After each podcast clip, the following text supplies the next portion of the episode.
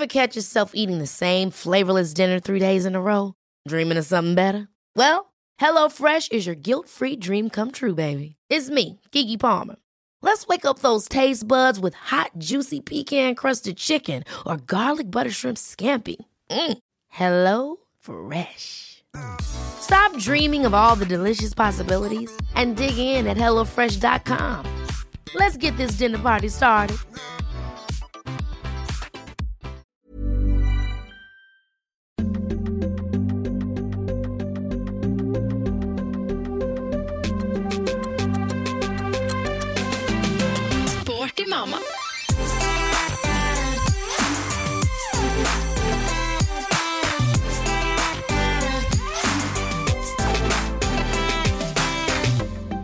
Vet jeg bare ta nesespray. Jeg har ikke tid til den nesesprayen din nå igjen.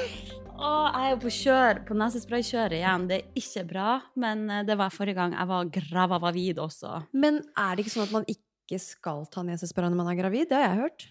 Åh, du hører vel så mye rart. Jeg, jeg hører det jeg vil høre. Jeg må ta den nesesprayen, for jeg blir helt ko-ko. Ja.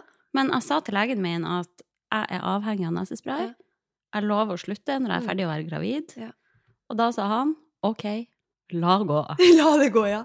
For du får jo litt sånn der tettere slimhinner. Jeg Ja. merka det sjøl i graviditeten. At, eh, ja.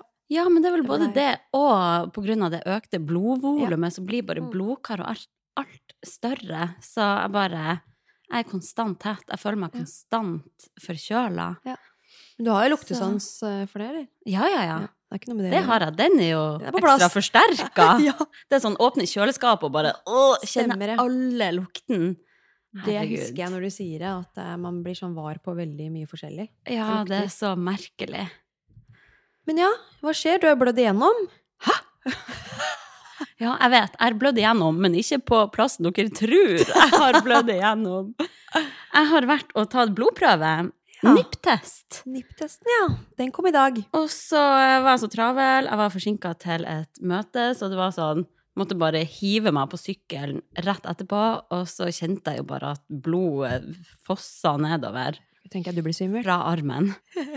Og det er bare Det er så flaut at jeg får en sånn fysisk reaksjon på å ta blodprøve. Ja. Det er sikkert flere som kjenner seg igjen, men jeg blir så flau når jeg er der og bare «Øh, Er det greit at jeg ligger ned? Det bruker å gå litt rundt for meg. Og jeg vet jo at det ikke gjør vondt. Det er liksom ikke den smerten jeg er redd for.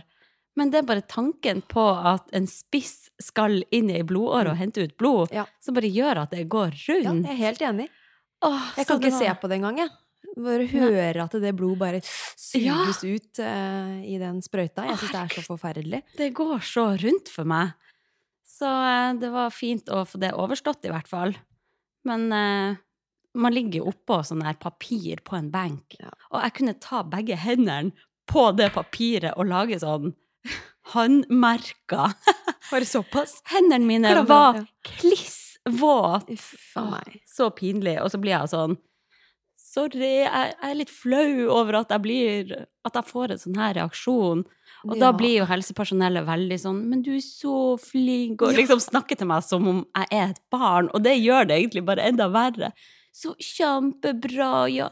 Sånn, vennen, ja, bare slapp av. Å, så flink. Å, du var du veldig flink i dag. Åh. Ja, de mener det jo bare godt, men Ja. jeg føler meg jo som en liten kid som skaper ja, meg. Men har du besvimt noen gang når eh, du har tatt blodprøver? Nei, det bare går helt rundt. Ja. Jeg bare ligger og er svimmel Ja. av hjertebank og Ja. klam i hendene. Uff, ja, jeg kjenner så til følelsen. Jeg husker den første koronavaksina jeg skulle ta. Da ble jeg tatt litt på senga, for vanligvis vaksiner har ikke vært noe problem. Det er mer det blodprøvene hvor blodet går ut, og du ser det. Jeg syns det er ekkelt. Mm. Men da fikk jeg skikkelig blodtrykksfall, at jeg besvimte. ja, Så jeg da husker det. satt jeg på stolen, og etter jeg hadde tatt etter jeg har tatt første vaksina, så blir du sittende på en stol og skal sitte der i 20 minutter. Mm. Jeg tror jeg satt der i 60 sekunder før jeg lå på gulvet. Og ble henta av legen der og perso ja, Skikkelig personalet som var der, dramatisk. Ja, og fikk eh, Så lagt meg inn under, ja, på et eget sted, da. Med noe forheng og greier. Lå jeg der, da. Men de visste at jeg var gravid, da. Så de tenkte Ja. at jeg kanskje hadde fått et blodtrykksfall Ja, av det, eller noe. Det er så deilig å bare kunne skylde på det. Jeg skal leve så på at jeg er gravid nå, og jeg skal bruke det til å skylde på absolutt alt. Ja, gjøre Ja. Ta det for alt det er verdt. Ja. Og det gjorde jeg jo også Jeg kan bare fortelle kjapt før vi kommer i gang med dagens tema. Ja. At uh, nå i helga så var jeg med på Holmenkollstafetten. Oh. Vi spiller jo inn litt tidligere nå, for når den episoden her kommer ut, Mm. så er jeg på ferie. Og da gidder ikke jeg å drive og prate med deg. Orker ikke å se det trøtte trynet mitt. Nei. Da På mandagsmorgenen. 100 fri! Ja. Jeg skal til Hellas med min lille familie. Skal du til Hellas? Ja? Herregud, hadde du ikke sagt til meg. Hæ? Jeg ble litt skuffa Jeg går jo og snakker om den ferien min hele tida. Aldri hørt at du skal til Hellas. ja. Nei. Nei. Du skal det, du, ja. Ja, jeg skal på eh, sånn skikkelig chartertur som oh. jeg har hatt så mye fordommer mot. Men nå når vi har barn, er det bare Mm. sånn. Det er alt jeg vil. Komme til dekka bord. Alt skal være tilrettelagt. Det skal være barnevennlig. Det skal være masse mat. Basseng. Ferdig. Slipp Da er det tenke Bamseklubben for alt det er verdt. Oh Bare yes! sende Theodor i Bamseklubben. Ha det, da! Skal legge meg på solsenga Ha og det! Snakkes! chille litt. Nei, jeg har hatt mye fordommer mot sånt, men eh, plutselig er jeg her sjøl. Men det er veldig greit. Få servert alt og slippe å tenke på det med mat og bare være i bobla der. Du får jo Ja. sol og varme og, og være med de og leke. Tenke 'å, han koser seg da i det Ja, jeg gleder meg så Ja. mye. Så ja, der er jeg akkurat når denne episoden kommer Ja. ut. Så det virker jo sikkert lenge siden Holmenkollstafetten eh, var når dere hører det her. Ja. Men eh, jeg kan jo i hvert fall eh, dele at jeg har vært med. Ei gravid kjerring som gikk altfor hardt ut. Tøffa. Jeg visste jo ikke at jeg kom til å få en etappe med bare oppoverbakke. Jeg tenkte at ja, ja, jeg er nå med. Jeg finner sikkert ut hvor jeg skal løpe når jeg er der. Mm. Sett en fot foran den andre. Men jeg ble jo så gira av å være med. Skulle bytte med han andre på mitt team, høre bare Hei, Hanna, kom igjen! Og fikk den der stafettpinnen og bare Jeg ga full gass. Skal jeg se for meg. Og beina stivna, og jeg fikk så mye syre i hele kroppen. Så mange som ser på, du tør jo faen ikke å være sist da, vet du. Nei, du du Skal være først. Åh, men det var veldig artig å bare være med på det løpet der, og bare kjenne på den der spiriten av at alle gjør det samme, på en måte. Man gjør det i lag. Mm. Så det var veldig artig, men uh, hvis jeg skal være med på det igjen, så skal jeg prøve å disponere litt mer. Å vite hva du går til. Ja. Så ikke det bare er oppover. Nå er det noen eh, kilo tyngre, og det er ikke mye, men sånn, det merkes jo. Det merkes, Ja. og bare på hele formen òg. Jeg bare er så trøtt og får melkesyre i kroppen så mye fortere, kjenner jeg. Mm. Så ja, men uh, jeg tenkte bare pain is weakness leaving the body, og så Ja. peiser jeg på. Det er så bra, vet du. Men så var det jo sånn, de fleste på mitt lag Jeg sprang jo og representerte Eggmont og Shape Up. Og, men bare mine nærmeste kollegaer vet jo at jeg er gravid. Mm. Så jeg var litt sånn, skal jeg si til alle på laget mitt at jeg er gravid? De har jo sikkert den høye forventninga til hvordan tid jeg skal få. Selvfølgelig. Men jeg sa jo ingenting da. Nei. Men jeg har lyst nå å ringe alle etterpå og bare Må beklage. Jeg må bare forklare den tida jeg fikk. Jeg er gravid! Den, ja, du kan jo ta den samtalen, da. Ta det litt i ettertid. Ja, nei, ja, vi det dere ikke visste da, var at jeg var greve Gravavid. Nei, jeg får stå inne for det. Det var artig å fullføre uansett. Ja, ja, sporty mamma. Sporty mamma. Sånn er det å være sporty mamma. Ja, sånn må du ofre deg noen ganger og gjøre noe sånt. Liv som Selv om det er mamma. kjipt der og da. Ja. Det var gøy å komme i mål, da, kanskje. Ja, det var deilig. Ja. Men enn du, da? Har Ja. du noe skitprat, eller skal vi kjøre på ja, vi dagens kjører tema? på dagens tema, tenkte jeg. jeg skal ikke, vi, ja, vi har jo mye vi skal gjennom. Vi har jo det. Og det er jo sånn, siden du har en baby nå, så er vi veldig pusha på tid med å bare Ja. Ja. Han ligger og sover. Nå har vi først tid til å spille inn, så da må vi bare peise på. Ja. Skal vi kjøre en ding-dong? Ja, ding dong må vi ha. Vi må alltid ha med den. Ja. Kjør. All right, all right. Da skal vi over på temaet for denne episoden.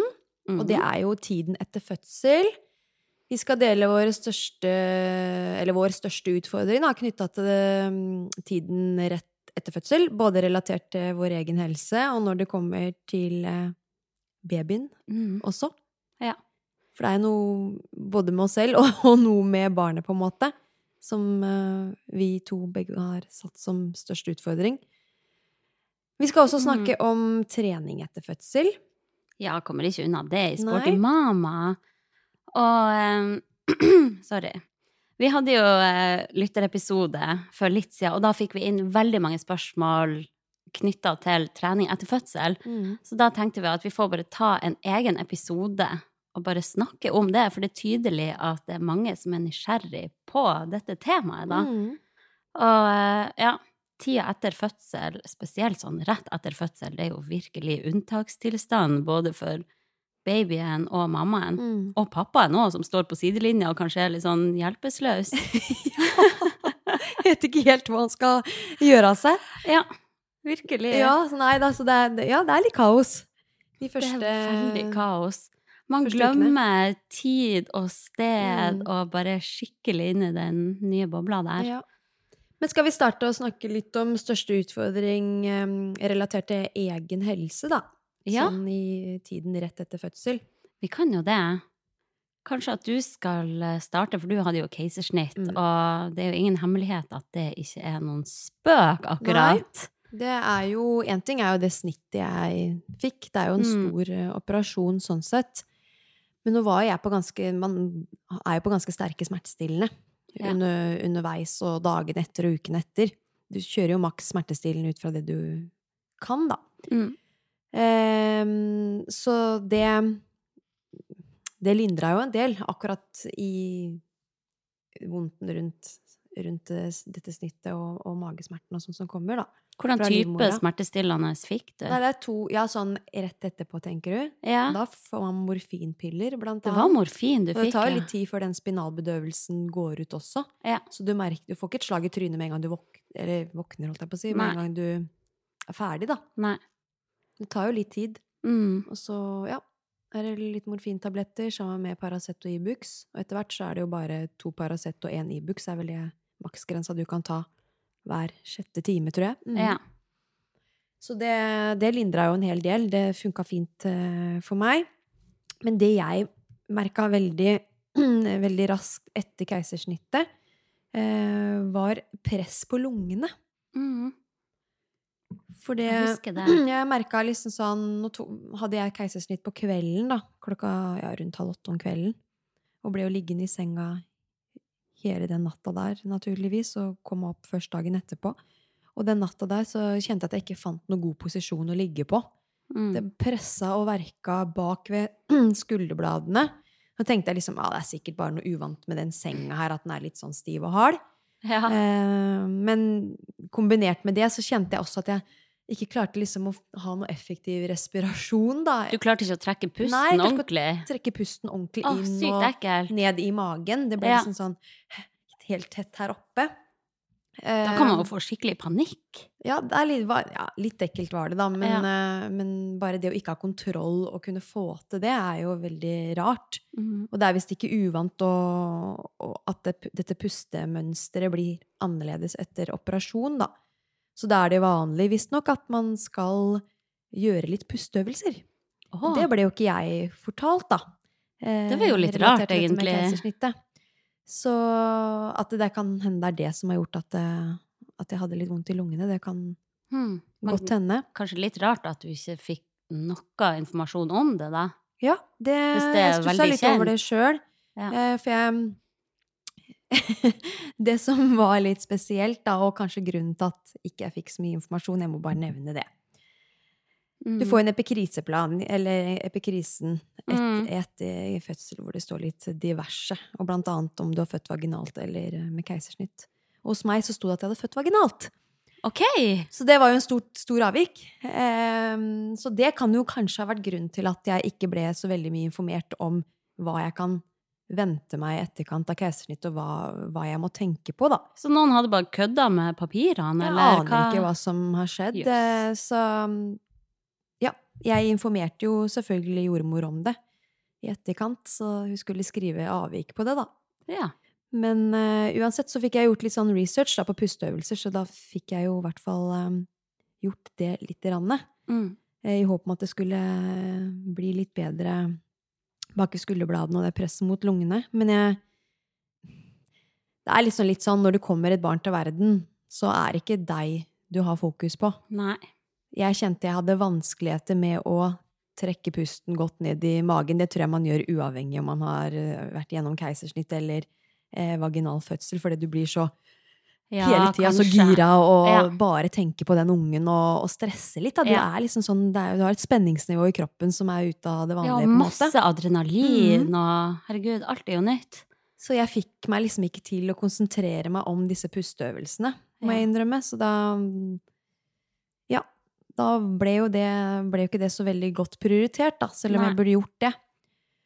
Så da jeg kom hjem fra sykehuset, da, så tok det ikke mange dagene før det blei egentlig bare verre og verre eh, med lungene mine. Tenkte jeg ja, jeg får ringe ned på legevakta, kanskje jeg skal ta en tur. Og der eh, ville de sende meg videre på akutten, da. Fordi Mm. du mistenkte at jeg hadde fått blodpropp. Mm. For det er visst ikke helt utelukka å få blodpropp i etterkant av et keisersnitt. Så det hadde mm, veldig lavt blodtrykk, blant annet. Var svimmel og kvalm, og det verka skikkelig. Og jeg hosta opp slim. Ja, og Blodslim. blod. Ja, for og jeg da husker jeg jeg bare redd. fikk eh, selfie fra deg hvor du var på sykehus, og så skrev du at du hosta Mm. blod. Ja. Og jeg bare prøvde å ringe og ringe, men du kunne jo ikke ta den da. Du var jo sikkert eh, Nei. masse telefoner inn, men herregud, sykt ekkelt. Ja, det var litt sånn ekkelt der og da, for det var egentlig ganske vondt, altså. Så, men de tok jo en grundig undersøkelse av meg på akutten der, og tok jo sete av lungene mine, og fant da ut at jeg hadde en, en betennelse, da, en liten betennelse i lungene. Mm. Så da var det ikke sånn at det bare var noe jeg tenkte Det var ikke bare innbilning. Nei, det var ikke bare en innbilning, da, så jeg var glad at jeg sjekka det, men det var liksom ikke noe behandling. Jeg skulle ikke på noen medisiner eller noe. Jeg fikk med meg et sånt munnstykke å puste i. Litt av fløyta. Ja, litt av fløyte! For å liksom skulle jobbe enda mer med denne pusten, da. Ja. Så det, kanskje det hang, det hang nok Konsert litt på sammen. hjemmebane. Ja. Og om jeg brukte det munnstykket? Eh, det kan vi jo også Nei. Lotte, du må jo gjøre som legene sier. Ja, det er men veldig bra at det ikke var blodpropp. Det var det jo ikke, og det var, Ja. jo, var jo kjempebra. Ja. At det ikke var det, i hvert fall. Men det Ja, det tok mye energi, da, når du har en åtte, åtte dager gammel eh, ja, unge som skal være med deg på akutten og være der i åtte timer, Ja, liksom. Herregud. Det hørtes skikkelig heftig ut. og-. Ja, hadde jo sånne elektroder på hele kroppen for Ja. å sjekke både hjerterytme og det som er. Mm. Så det Ja. Men det gikk jo heldigvis bra med meg, da. Ja. Du Så- sitter her i dag, det er vi veldig glad Ja. for. Så ja, hva med deg, da? Er, eh, hva var din største utfordring eh, relatert til helsen? Nei, altså eh, Godt spørsmål. Det er jo sånn Jeg opplevde jo hele fødselen som ganske brutal. Jeg var ikke forberedt på den intense smerten jeg kom til å oppleve. Og jeg trygla jo og ba om smertestillende, og jeg fikk det, men det funka ingenting. Så eh, jeg var jo Etter fødselen var jeg jo helt kjørt, og bare Men så letta over at den smerten gikk over. At jeg visste at jeg Mm. liksom Nå kommer ikke den type riesmerten igjen. Eh, men jeg husker jeg tenkte sånn Herregud, jeg lurer på om jeg klarer å gå. Når kommer jeg til å klare å gå? Og trening var jo bare helt sånn Ok, kanskje jeg klarer å trene om to år, men Mm. sikkert ikke før det, for jeg Mm. følte meg så mørbanka. Og det var liksom Jeg hadde gledd meg så til å ligge på mage og sove, for det gjør jeg alltid. Men Mm. man kan jo ikke det som høygravid. Og jeg husker bare første kvelden etter fødselen. Han ble jo født på morgenen. Og så skulle jeg sove på kvelden og bare prøvde å legge meg over på mage. Og Mm. jeg hadde ikke sjans. Nei. Jeg klarte ikke å snu meg fra ryggen og over til magen. Så jeg var ganske mørbanka da. Men var det fordi du hadde så vondt eh, nedentil, eller var det bare ja, sånn eller bare i magen og i Ja. brystet og Tenk hvor mye energi energi du har brukt, da. Hvor mye Ja. muskelkraft du har brukt overalt i hele kroppen for å få ut Ja, den ungen. virkelig. Alt var bare så ømt. Ja. Det føltes ut som jeg hadde fått skikkelig juling. Så nei, det var en uh, rar opplevelse. Men hvor Og- lang tid tok det da før du følte at du var på bedringens vei med Nei, det var jo veldig overraskende hvor fort kroppen egentlig ordna opp. mm. For natta etterpå så klarte jeg å snu meg over på magen uten problem. Mm. Så eh, det gikk jo rasende fort, heldigvis. Og jeg hadde ikke forventa det i det hele tatt, for jeg var veldig sånn Shit, jeg har så respekt for hva kroppen min har gjort nå. Ja. Kanskje jeg bare må skaffe meg rullestol og bare gi det tid. Ja. Men det gikk jo ganske fort, da.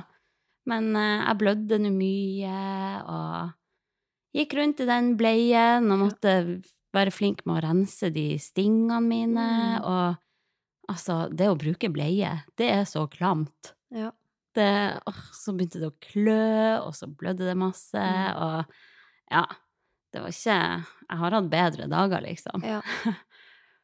Men igjen, som du sier, man har jo den, den lille babyen som Ja. bare tar alt fokus. Så jeg rakk liksom ikke å tenke så mye på hvordan jeg sjøl hadde det. For jeg stressa så med den amminga også, Ja. som jeg bare Ja. Det tok så lang tid å få i gang min produksjon.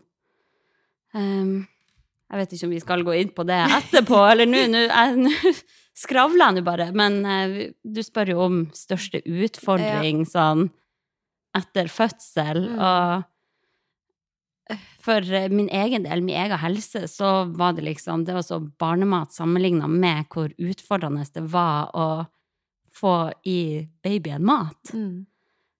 For eh, det tok kanskje sånn tre dager før jeg fikk i gang produksjon. Ja. Og han var jo hysterisk, stakkar, sulten, og Mm. jeg bare amma og amma og amma. Gjorde jo ikke annet, men det kom ingenting ut. Nei. Så takk og lov for folkene på Ullevål som bare satte meg på sånn strengt pumperegime med amming og pumping annenhver time gjennom hele døgnet. I flere dager, var ikke det? Ja. Mm. I hvert fall i to-tre dager. Ja. Og plutselig fikk jeg ut en sånn liten gul dråpe etter beinhard jobbing i døgn. Og jeg bare ble så letta. Bare der er den! Den råmelka som babyen trenger. Mm.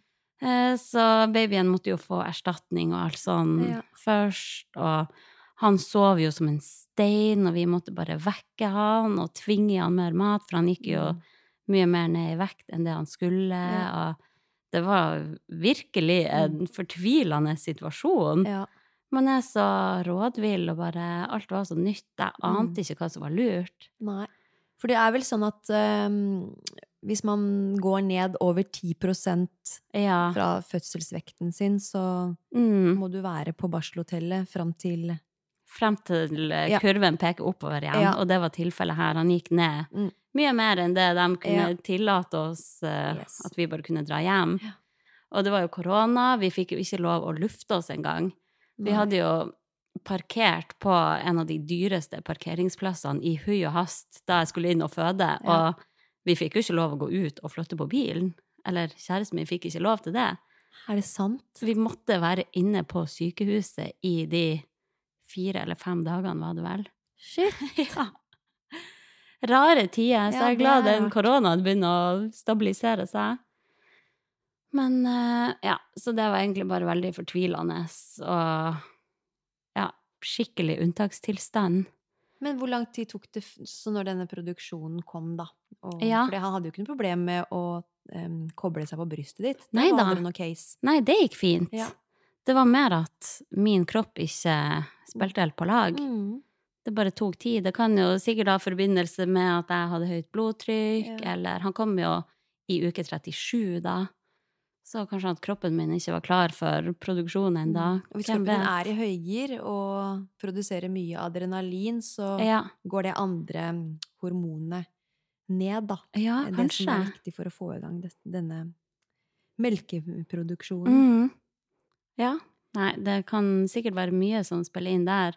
Men jeg er bare så takknemlig for at jeg fikk hjelp, og jeg bare innbiller meg at det sikkert er mange som sliter med det samme, og som bare tenker at OK, jeg kan ikke amme.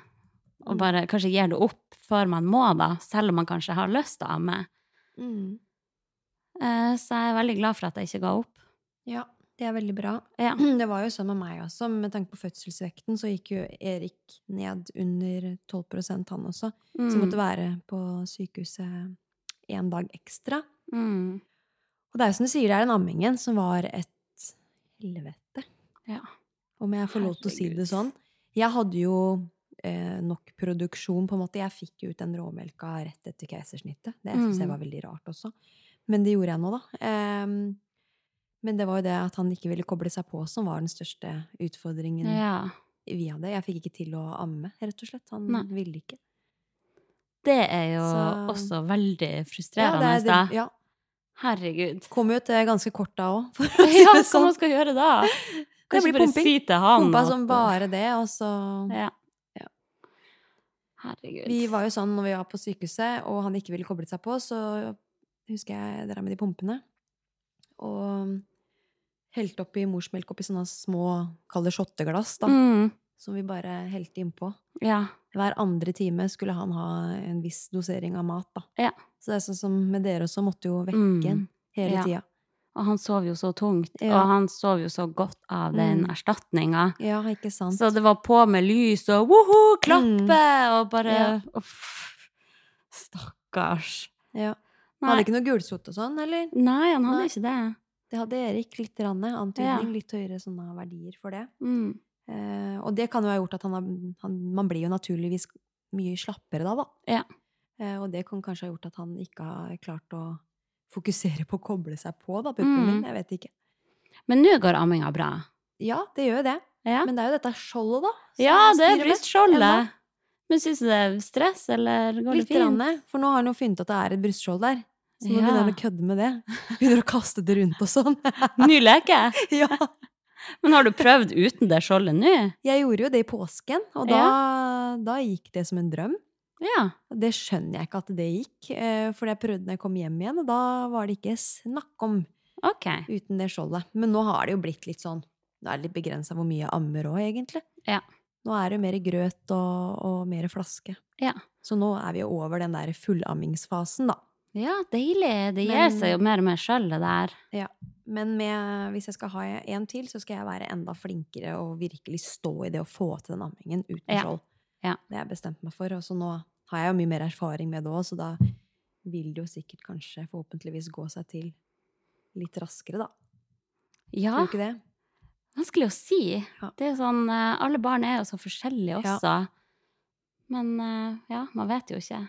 Åh, men jeg husker den første natta etter at han Theodor ble født, Mm. så sov han jo bare. Mm. Men det var ingen som sa til oss at han burde bli vekt for å få mat. Nei. Og vi tenkte jo bare å, hvor bra, ja ja, han skal jo sikkert sove, han er sikkert sliten.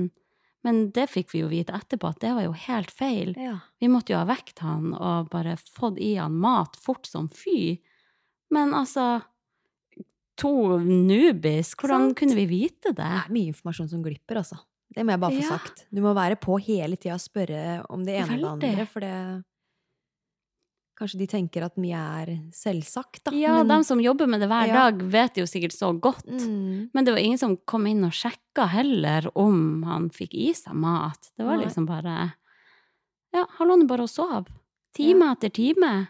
Og vi bare ja, vi får prøve å sove litt, vi òg, men Ja, vi var jo fulle av adrenalin og lys våken Ja, hele Ikke natta. snakk om å sove. Nei, du gal. Så jeg drev jo bare og så på han og Mm. Ja. Sjekka at han pusta. Som jeg fortsatt gjør. Ja. ja, men det var jo sånn meg første, første natta også. Da lå jeg der og hadde nylig operert. Og Martin kunne jo ikke være til stede. Han fikk ikke lov til å være der. Nei, på grunn av korona. Ja, Herregud. Da lå jo Erik ved siden av meg, og jeg kunne jo ikke reise meg opp og gi han mat og sånn. Og Så han var jo uten mat det første, første natta, han også. Men nå er det klart at han hadde fått den råmelka, da. Ja. Så det, da hadde jo han fått godt med, godt med næring der. Mm. Men jeg husker at jeg lå jo i den senga, apropos dette med, med blodpropp og sånn, da, som er litt Som ikke er helt utelukka når man tar et keisersnitt. ja. Og det er jo rett og slett fordi man ikke får det eh, får blodomløpet til å gå fort nok etter en operasjon. Da. Å, At det er viktig at man kommer seg opp, begynner å gå raskest Ja, mulig ja. etterpå. Husker jeg lå der, lå hele natta. Og første jeg gjorde dagen etterpå, var å trekke i den tråden for å snakke med jordmora og si at du, nå må jeg opp og gå.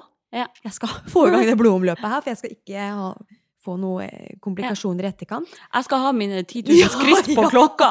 Jeg ser det står at jeg skal bevege meg Ja. på klokka mi, så nå må jeg opp. Men hun var sånn der eh, Nei, hun, hun var så treig. Hun var sånn, Ja. Skulle vente og greier. Så husker jeg hun sa til meg at eh, jeg må vente noen timer og sånn, da, for jeg må, jeg må opp og ta, en, ta dose to av koronavaksinen. Nei. tenkte jeg bare sånn Du er i arbeidstida di. Skal ikke du hjelpe meg? Du skal ikke gå og ta en vaksine, vel? Hva er det som skjer, liksom? Drit i at du får blodpropp, jeg skal ha den vaksinen. Ja, ikke sant? Og da ble jo jeg liggende enda lenger. Jeg tror jeg kom meg opp ja, kl- Klokka var vel halv fem på kvelden, da. Ja. Før jeg kom meg opp. For du klarte ikke å røyse deg sjøl? Nei, du skal visst ikke gjøre det, da, for jeg var jo med kateter og alt mulig. Ikke sant? ja. Og du skal ikke bevege deg med det. Nei. Jeg ser det for meg. Ja. Så da Å, shit. Og jeg med de, den vondt med det presset bak i skulderbladene i tillegg, ikke sant. Jeg fant jo ikke stillingen. Nei. Og tenker sånn i etterkant at uh, her, jeg, vet, ja, jeg vet ikke om, om disse problemene jeg hadde med, med slim og, Mm. og blod og sånn, og ja, den vondten jeg hadde baki der, da, om det kunne ha noe sammenheng med at ikke jeg kom tidlig nok opp og fikk gått Det kan jo være. Jeg vet ikke. Det er jo veldig viktig å komme seg i bevegelse etter en operasjon. Så ja, alle de som skal ende med keisersnitt, eh, bør eh, mase på å komme opp raskest mulig etterpå, i hvert fall. Ja, Det er så viktig. virkelig. Prøve å komme seg på beina. Ja. Selv om det føles litt sånn rart og sånn. Ja. Men da er man jo full av full av, holdt på å si, smertestillende, så du merker jo ikke at du har Mm. vondt, da. Nei. Som regel. Gjorde ikke jeg, i hvert fall. Nei. Nei, Så- man må kunne kreve sitt, Ja. altså. Men det er vanskelig når man ikke aner hva som er lurt, Nei. heller. Og jeg blir så fort sånn Herregud, tenk at jeg, jeg er her og får være her gratis. Jeg er så heldig som Mm. bor i Norge, Mm. som kan bo på et barselhotell. Jeg kan gå og hente meg et glass juice uten å Ja. betale for det. Ja. Det er jo luksus sånn sett, og man får jo den omsorgen man Ja. skal ha også, men det er jo kanskje noen litt sånn informasjon og spørsmål og sånne ting som ikke kommer helt eh, Når helt fram, da, i, i tide. Og det kan jeg bare si, apropos eh, tida rett etter fødsel. Første gang man skal gå ordentlig på do Ja. etter man har født vaginalt, Ja. det er ingen spøk. Nei. Det var ingen som sa til deg at det ikke var noe spøk? Nei, det var jo ikke det! Akkurat som det kanskje var litt sånn pinlig for dem som jobba der, å snakke om det. Ja, Jeg vet ikke. Bør ikke være det. Men eh, det hadde vært fint med litt mer åpenhet rundt det også, kanskje. Absolutt. Burde man presse, eller burde det bare komme av Mhm. seg sjøl? Vente Ja. på det? Nei, jeg gikk i hvert fall lenge etter fødsel før jeg torde å gå ordentlig på do. Ja. For jeg var så redd for å ødelegge noe mm. mer der nede. Tisse, eller tenker du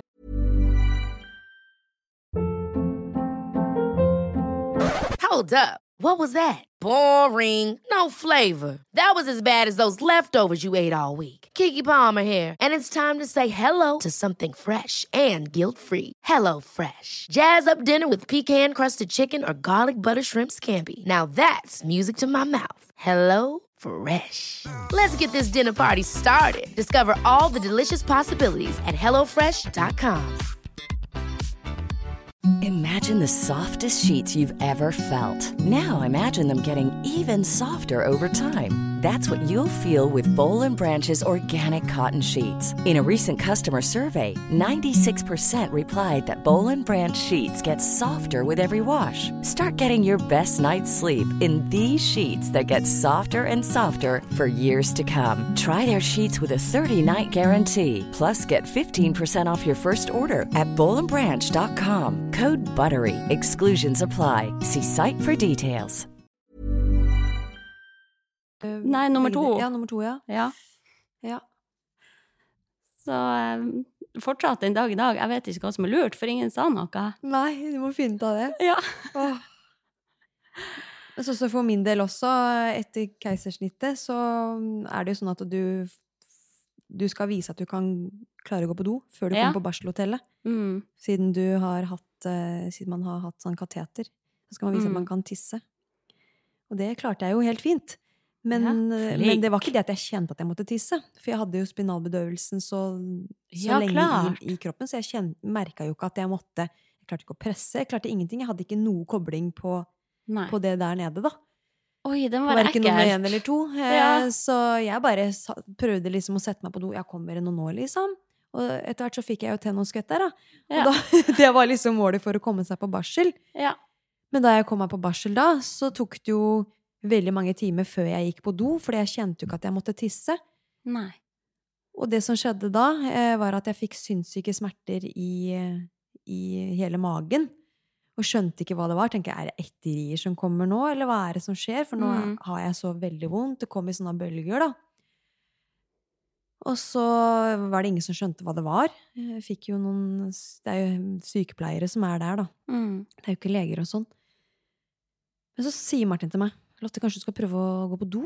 Tisse? Nå har du ikke tissa på Husker ikke sist du tissa. Når var det egentlig det? Det var vel kanskje nesten et døgn siden.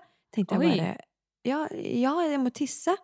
Fordi jeg har jo ikke kjent noe på det, at jeg må det. Ja. Satt meg på do. Tissa vel i Jeg tror han tok tida i et kvarter uten stopp. Blæra var jo helt sprengt. Uten at du kjente det. Og da pressa sikkert det på livmora og Ja, alt mulig som har inngrepet generelt. Alt det inni der, da. Men da har det var jo jo det, eh, det var hele, hele Det skapte så jævlig smerter. Oi.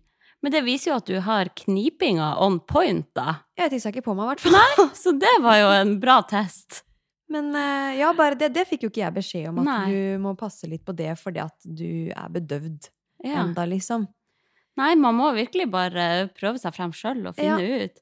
Og det er en så artig opplevelse å være på det barselhotellet der, for det liksom Plutselig blir bare kroppen allemannseie. Det er liksom Sykepleiere kommer inn mens man står i dusjen og går naken rundt, Mm. og til slutt Jeg brydde meg jo ingenting. Ja, hei, hallo, kom Ja. inn, og du, Kan ikke du se litt på, på stingene her, og på rumpa der, og kommer og klemmer på puppene, og ja, ja. man må virkelig bare slippe det og ikke være sjenert Nei, her. er du gæren. Må bare tenke at eh, de har sett alt. Og Sånn- jeg trenger hjelp. Ja. Og så skal du ringe på dem når de skal komme. Så har Ja. du en sånn, der, eh, en sånn gammel hustelefon. Ja. Du trykker inn et nummer. Ja, hei, det er fra rom nummer 213 her. Kunne du kommet opp og hjulpet meg med det og det? Det er liksom Jeg husker først så var jeg sånn jeg orker ikke å ringe. Jeg følte jeg var til bry hele tida. Ja, ja. Men nå angrer jeg for at jeg ikke bare sto på den telefonen hele tida. Nei, da det er hun der masete kjerringa igjen. Masekråka. Bare lat som at du er opptatt. Lat som at du skal gå og ta vaksine, så Ja. slipper vi. Nei, uff. Nei, det er litt av et opplegg. Det er morsomt. Ja, og det der med at jeg måtte følge det regimet med pumping og sånn hver andre time. Så man får jo null begrep om dag og natt. Mm. Så det var jo plutselig bare Oi, nå har det jo vært frokost nede i Mm. den kantina. Men jeg er dritsulten, hva gjør vi? Ja, nei, det er nå lunsj om en og en halv time. Vente til da. Altså liksom Mm. sånn bønnemiks og alt mulig til frokost og Ja. ja. det var rart opplegg. Ja, det fløyt. Ja, Man er glemmer tid og sted, som du sier. Vi også gikk glipp av noen måltider hvor Martin måtte gå ut og handle i den kantina der istedenfor. Ja. Eller kiosken. Ja. Det er ikke billig! De gjør seg gode penger, Ja. den kiosken på Ullevål! Det går my mye New Energy og, ja. og sjokomelk der. Nei da. Så man, det er jo den ungen som er i fokus. Ja, Og det å gjøre de arbeidsoppgavene og tilrettelegge for den, du glemmer deg sjøl helt. Ja, ja. Det er deilig òg. Slippe å tenke på noe som helst rundt deg selv, på en måte. Ja. Det er ikke kapasitet. Man må bare Nei. slippe det. Så da blir det litt så der med Ja, med rehabiliteringen sjøl, på en måte. Ja, ja. Gå bare rundt i bleien og føle seg peiser òg. Ja. Men du, skal vi ta en eh, dingdong og komme inn på Ja. temaet? Kan vi gjøre. OK. Tema Ha det! Nei, Ikke ennå. vent litt. Ok, greit. Da vi tar ok, en. Ding-dong. Ok, så med tema så mener jeg jo da trening etter fødsel. For eh, jeg vil jo anta at eh, dere sporty mamas som hører på, vil høre om trening etter fødsel, og ikke bare om to josspeiser som prater om unntakstilstand der nede og på barselhotellet. Så, og vi har jo egentlig hatt ganske forskjellig sånn opptrening. Ja. Du har hatt mer sånn tydelig plan, mens jeg har vært litt mer go with the flow og Mm. bare prøvd meg fram. Ja. Så kan ikke du dra oss litt igjennom din opptrappingsplan? Ja, jeg kan uh, forsøke å gjøre det. Um, jeg venta jo først og fremst fem til seks uker med å gjøre styrkeøvelser. Selv med Mm. miniband og egen kroppsvekt var uaktuelt før det hadde gått i hvert fall fem uker. Ja. Um, jeg kan vel grovt sett si at jeg hadde tre faser med opptrening, bevegelse. Uten Mm. å komplisere det noe mer, men da ja, kan jeg prøve å forklare det med litt mer systematikk, i hvert fall. For Ja. folk som er interessert i det. Eh, For den første fasen, de første fem ukene, så var det jo kun bare sånn rehabilitering og, og opptrening, da. Ved å gå roligere gåturer. Mm. For dette med, med keisersnitt og det inngrepet som er gjort der, det skaper jo problemer selv ved bare dagligdagse bevegelser. Som å bevege seg fra senga til kjøkkenet var jo nok i, i starten, på en Ja. måte. Å komme seg opp og ned av sofaen og kunne rotere seg litt i senga og sånn. Mm. Så det blei jo med gåturer og litt sånn pusteøvelser eh, som var viktig, og litt bekkenbunnsøvelser. Mm. Kn kneip litt. Ja. For det er jo anbefalt at man skal knipe også etter et keisersnitt, ikke bare vaginalfødsel. Det har vi jo Åh, snakka Nå om kom før i jeg på at jeg må knipe. Nå nå kniper jeg Ja. mens jeg sitter her. Det må du jo gjøre. Ja, Det var jo det som var planen. Hvis du skulle bli gravid igjen, så lovte du å knipe. jeg lovte. Jeg Ja. svikta foreløpig. Ja. Og så var det jo litt sånn aktiveringsøvelse for uh, kjernemuskulaturen, da. Mm. Og jeg um, har jo ikke noe peiling på dette med opptrening og rehabilitering etter et keisersnitt, og du får jo ikke en, en dølla med informasjon, på en måte. For Nei. ingenting. Så jeg måtte gjøre litt research, og fant en veldig god kilde på Instagram, faktisk. Mm. Ei som heter Sofie Golden, som kaller seg Keisersnittfysio på Instagram. Ja. Er en egen profil der. Hun er uh, fysioterapeut, og har da spesialisert seg i rehabilitering uh, relatert mot keisersnitt, da. Og la jo ut en masse god informasjon og øvelsesutvalg og litt sånn ulike filmer på aktiveringsøvelser for kjernemuskulaturen, Mm. basert på ulike faser eh, i etterkant av keisersnittet, da. ja. Sånn som er du tolv uker etter keisersnitt, eller er du lenger etter keisersnitt? Sånn. Så det, det var veldig, veldig fint å følge, følge det hun hadde lagt ut. Tenk at folk Så jeg fikk en god Det er jo der. fantastisk at folk folk bruker tid på å legge ut sånt Ja. innhold helt gratis. Ja, kjempebra. Så hun er jo veldig opptatt av at man skal føle seg trygg etter et keisersnitt, og starte nettopp med disse aktiveringsøvelsene. Og Mm. ja, er veldig, veldig flink der. Så jeg anbefaler jo alle da, å følge den Mm. profilen hvis du har vært igjennom et kei- Ja. ja. Hvis du har vært igjennom et keisersnitt, eller vet du skal det, så sjekk ut henne på Instagram, og er eh, veldig dyktig. Shout-out. Ja. Så men, og sånn type aktiveringsøvelse for kjernemuskulaturen er jo rett og slett bare for å bli kjent med kroppen igjen, og kjenne at du, du har noen form for magemuskler der enda, Ja. da. Etter at du har vært inne, et- innom et sånt inngrep, kan du si. Mm. Så det var jo veldig mange uker hvor jeg jobba med disse kjerneøvelsene. Og kjente at det ble bedre og bedre. Eh, og så var det neste fase. Da starta jeg med kun litt sånn kroppsvektsøvelser. Og gjorde det i noen uker. Da testa jeg blant annet utfall med kroppsvekt, knebøy og hip thrust. Mm. Eh, og det skal sies at før jeg starta med disse kroppsvektsøvelsene, så var, hadde jeg vært smertefri i 14 dager. Og ikke gått på noe, noe smertestillende, da, Mm. i den, i den tiden der.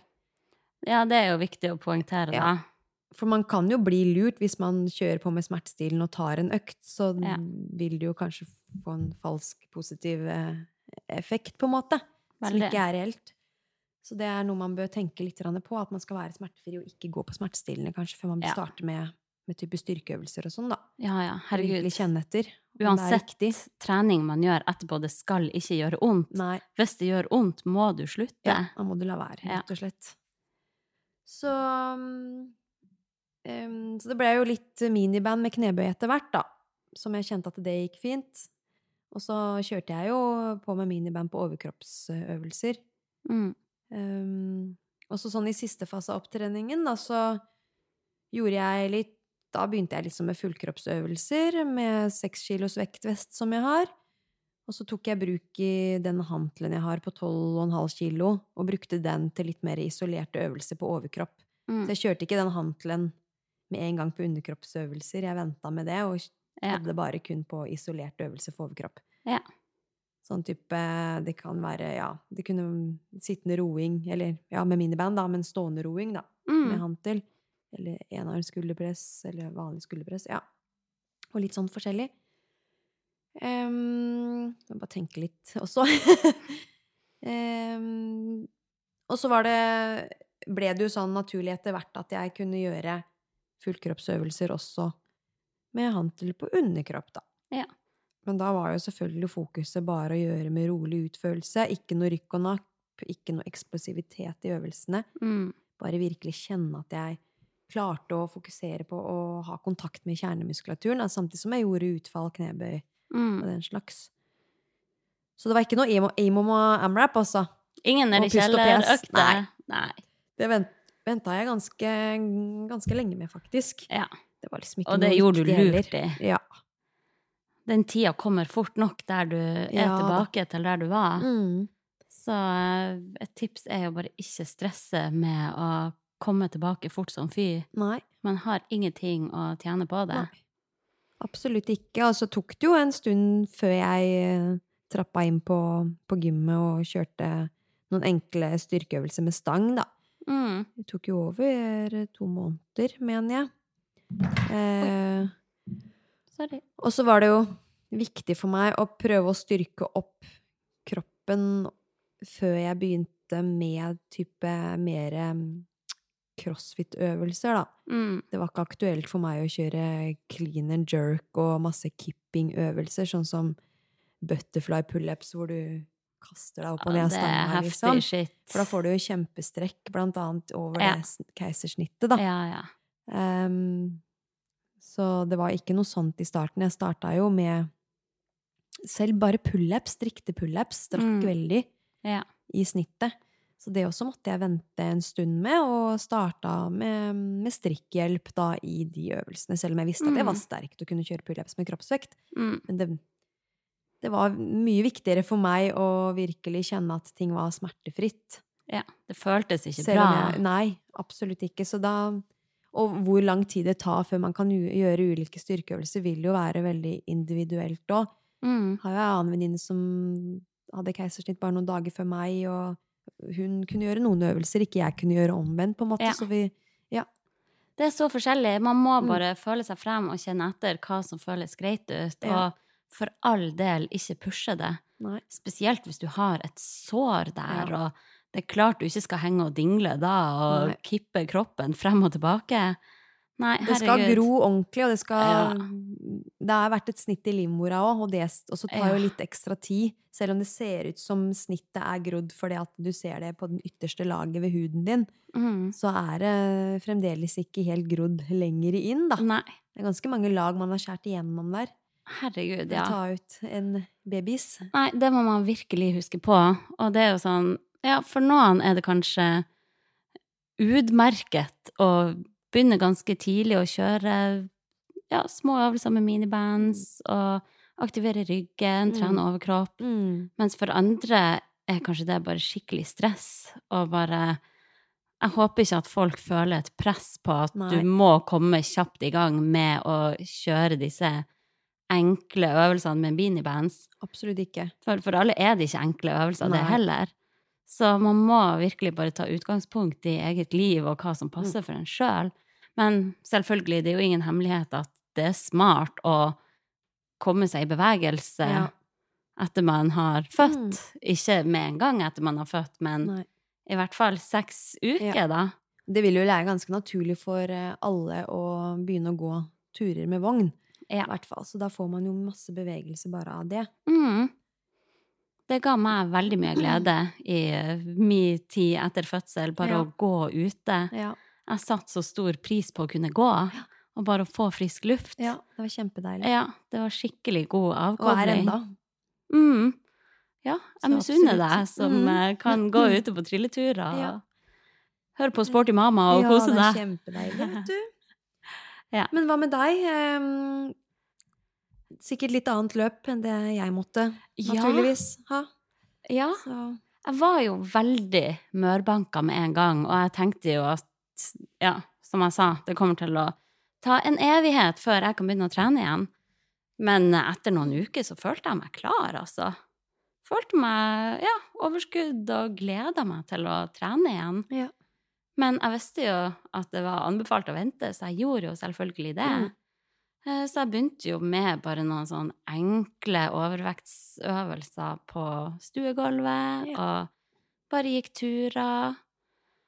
Og så etter hvert så begynte jeg med litt sånn OK, step-ups på benk, ute i parken, på trilletur. Knebøy uten vekt. Ja, bare helt enkelt. Og jeg holdt veldig igjen fordi jeg bare tenkte at det var lurt. Ja. Selv om jeg kanskje hadde klart å kjøre på. Men jeg bare visste hva kroppen min hadde vært igjennom. Så eh, den dag i dag vet jeg liksom ikke helt hva som egentlig er lurt.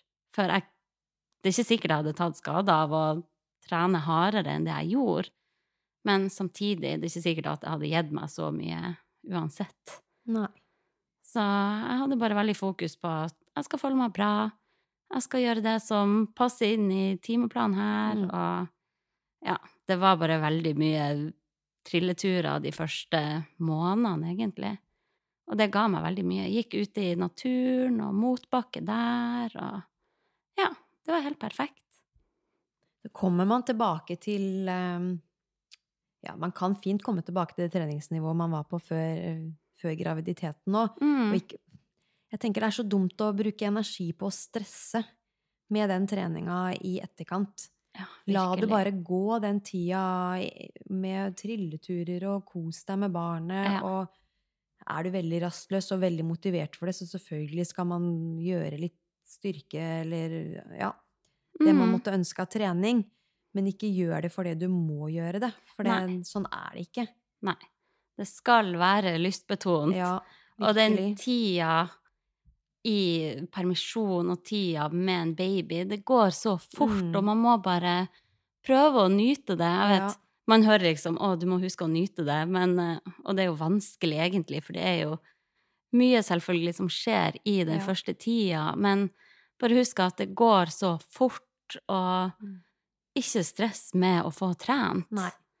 Den tida kommer etter hvert som du kommer inn i rutiner og tilbake på jobb Mm. og ja. Og jeg ble bare overraska over hvor fort kroppen ordna opp sjøl, uten at jeg gjorde noe som helst innsats for det. Ja. Så bare Ja.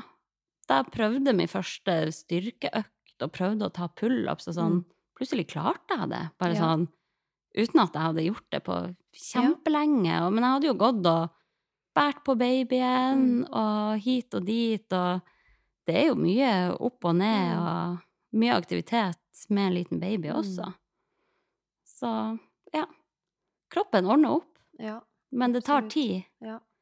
Jeg husker jo at jeg prøvde buksene mine sånn kanskje fire måneder etter fødsel, ja. og ingen passa. Og så tenkte jeg bare ja ja, jeg får vel kjøpe meg en ny garderobe, da. Men så gikk det noen måneder til, og så passa det, uten at jeg hadde Mm. gjort noe spesielt. Kroppen trenger tid. ja. Husk, det har tatt ni måneder å lage det mennesket. Det kan ikke ta seks uker å komme tilbake igjen. Nei. Og så skal man jo ikke ha fokus på å mm, ligge i underskudd heller, da. Sånn kaloriunderskudd når man eh, Nei, nei, nei. eh, fullammer spesielt, da. Det Så er veldig det- viktig. Ja. Da kan det komme miljøgifter Ja, ut så- i melka. Mm. Så det er noe man ikke må glemme. Mm. Og heller bare tenke at det må ta den tiden det tar før kroppen er på plass igjen, og ikke være så streng med deg selv og hvordan du ser ut, og i det hele tatt det viktigste er at du føler deg bra, da.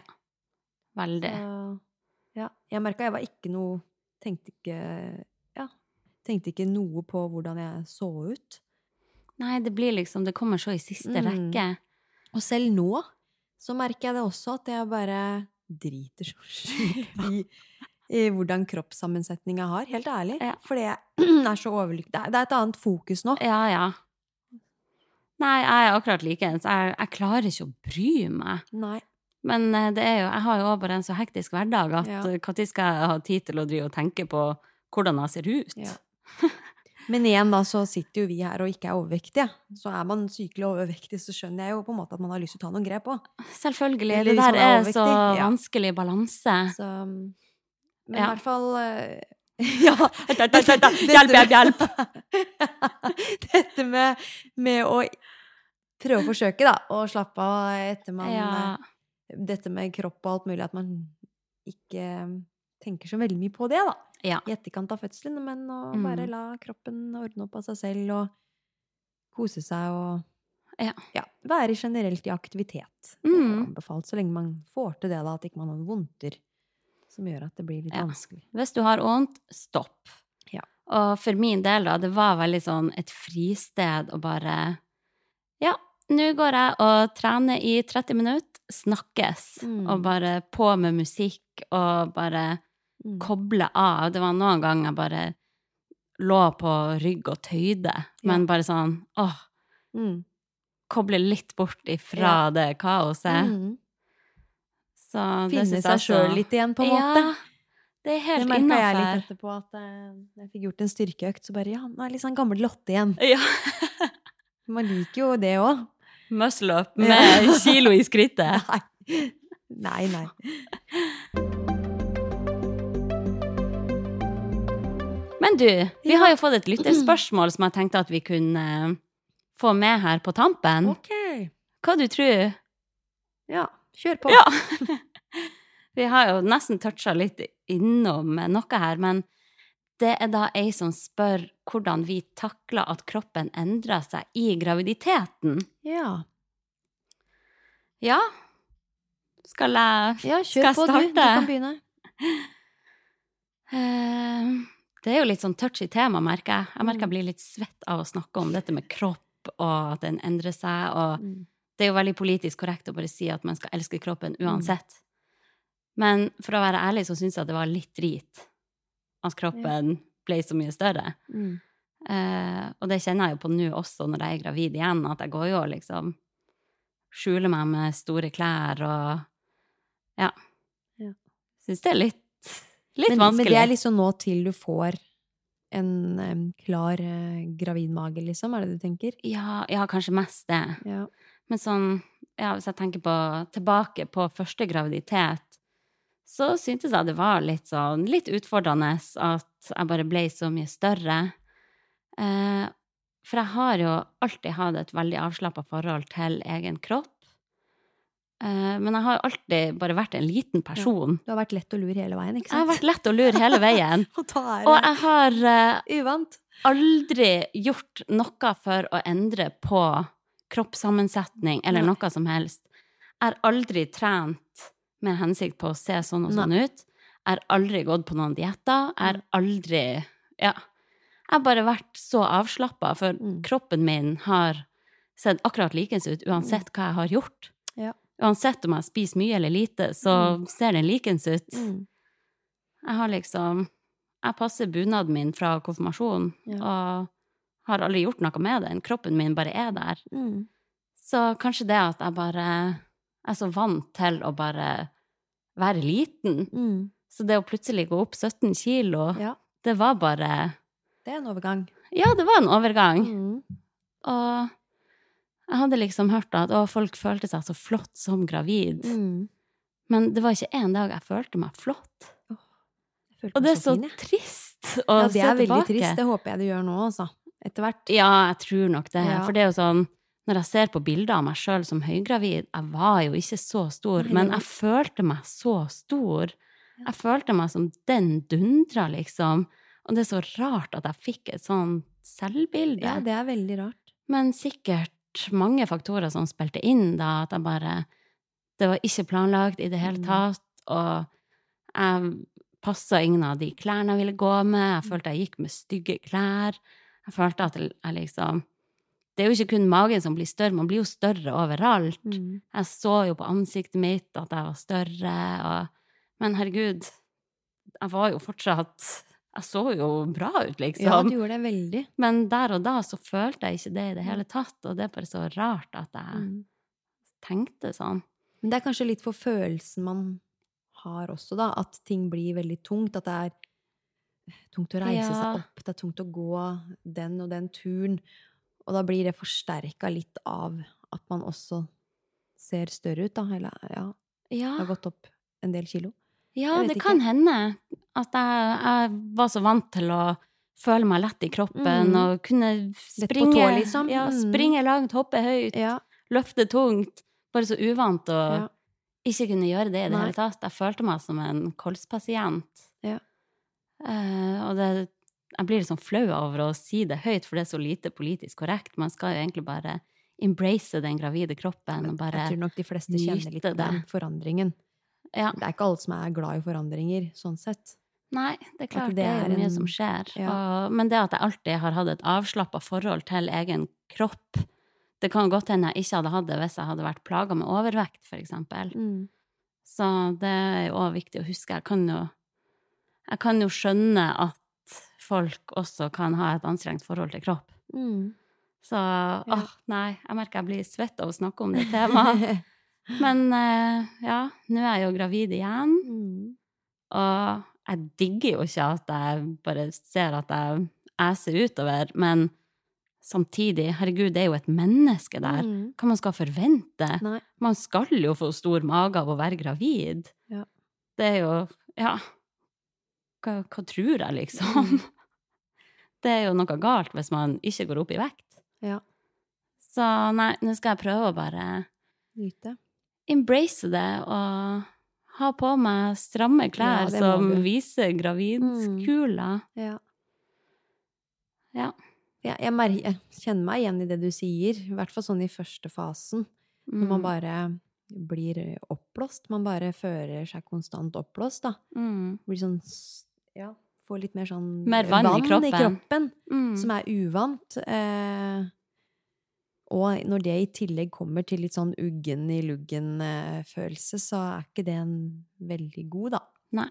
Eh, men jeg følte meg aldri sånn stor ellers, egentlig. Nei. Eh, selv om jeg la jo på meg 15 kilo, er det vel? Mm. Eh, og ble jo absolutt større i armer og ben og litt rundere i ansiktet, og hadde jo den magen. Ja, ja. Ja. Men herregud, det var et lite menneske der, så det skulle jo bare mangle. Så jeg, ja, jeg tenkte, jeg tenkte liksom at ok, kroppen kommer til å forandre seg, og det blir bare morsomt å se hvordan Ja. fasong jeg kommer til å ende med. Ja. Så jeg kan på hånda med hjertet si at jeg ikke kjente noe på, på det å bli noe større. Mm. Kanskje Ja, bare litt i starten, Ja. hvor man, det ikke, magen ikke syns, da. Men så Mm. fort eh, magen syns, så var jeg veldig på det at jeg skulle ta på meg stramme tøy og sånn. Ja. Litt tullete kanskje, men ja. Nei, men det er jo veldig bra. Og alle andre gravide jeg ser, da tenker jeg jo bare å, Mm. ser så flott ut. Ja, Så bare så teit at jeg ikke klarte det sjøl. ja. Så nei, jeg skal embrace gravidkula nå, i Ja. hvert fall. Nå er det your time to shine. Ja. Jeg må bare kjøpe meg noen nye klær, for jeg passer ingenting. Det går bra. Jeg har lagt noen klart her i gangen til deg. Sånne yes! stretchy bukser og sånn. Konge. Du etterlyste jo det. Ja, jeg gjorde det. få det. Fantastisk. Ja til det. Det er Ja, bra for men miljøet. jeg, jeg tror vi har, har vi ikke svart sånn cirka på det da, da? Jeg tror nok det. det? Håper at eh, du, kjære lytter, fikk svar på det du lurte på. Men ja, og ikke stresse med at kroppen forandrer seg. Sånn er det bare. Du er passasjer ja. i egen kropp da. Du kan ikke styre noe, Nei, Noen som helst. Du, kroppen din er til utlån. Mm. Sånn er det bare. Mm. Så får du heller tenke på hvor fantastisk det er at du i det hele tatt kan bli gravid. Ja. At det skjer så sinnssyke ting i kroppen din. Hvor sykt at du etter hvert skal føde det barnet ut. Ja. Det er så Ja. alien. Det er helt sinnssykt. Jeg kunne gjerne gått opp 40 kilo jeg, for å oppleve For å oppleve det, ja. Ja. Tenk hvor heldige vi er. Ja, virkelig. Og hvor sinnssykt lite det betyr hvordan Ja. man ser ut. Du kommer tilbake til ja. gammel form igjen, Ja. hvis man ønsker det. Men så må det bare være lov å, å ikke elske det også. Ja. Det går opp og ned, Ja. og Ja, for meg var det en liten berg-og-dal-bane. ja. Noen syns det er digg å være gravid. Eller digg og digg, ja. Fint og flott. Ja. Jeg syns det. Ja. Og du likte ikke det så godt, og sånn er det. Vi er ulike. Sånn er det. Skal holde dere oppdatert på hvordan det går denne gang. Ja. Men innstilling har nok veldig mye å si igjen, da. Ja, Så nå er jo du veldig fokusert på det at du skal lage deg en god graviditet, på en måte. Ja, Forsøke, i hvert fall, siden mm. ikke du fikk til det forrige gang. Ja. Og det tror jeg er viktig. det er kjempeviktig. Ja. Allerede er jeg bare sånn Nå skal jeg bare kose meg, og ja. Jeg spiser akkurat det jeg vil, og slapper av når jeg føler for det, og ja. Jeg må bare Ja. njute på. Det er bra. Mhm. Jeg ser du sitter med sjokoladen på sida her, og plutselig Ja, ja. syns du det er greit igjen. For det var, det var jo en periode du var veldig kvalm som du bare Ja, syntes det var litt ekkelt med sjokolade, da. ja. Og jeg må innrømme, sjokolade frist Det er ikke det som frister mest, men jeg har alltid en på lur i tilfelle jeg er sulten. Du har det. Ja. New Energy. Den her på plass, den. Meg i et nøtteskall. Herregud, jeg kjøper så mye New Energy. Please, spons oss! Den er fin. Å, nei, vi får runde av her. Ja. Takk for eh, at du hørte på, kjære lytter. ja. Nok en gang veldig hyggelig. Ja, Så ses vi om ei uke igjen. høres vi neste uke. Skal jeg kose meg videre på ferie? Ja. Jeg er så misunnelig. Fy søren, altså. Ja. Ta meg med! Ta meg med i kofferten! Er til meg tidenes vits! ja. Ok. Få det av før vi sier for mye skitt. Få det på og av. Ha det. Ha det! Sporty mama.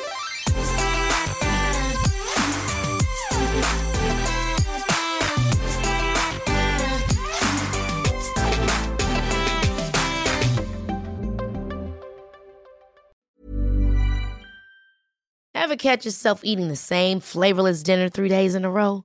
Dreaming of something better? Well, HelloFresh is your guilt-free dream come true, baby. It's me, Kiki Palmer. Let's wake up those taste buds with hot, juicy pecan-crusted chicken or garlic butter shrimp scampi. Mm. Hello Fresh.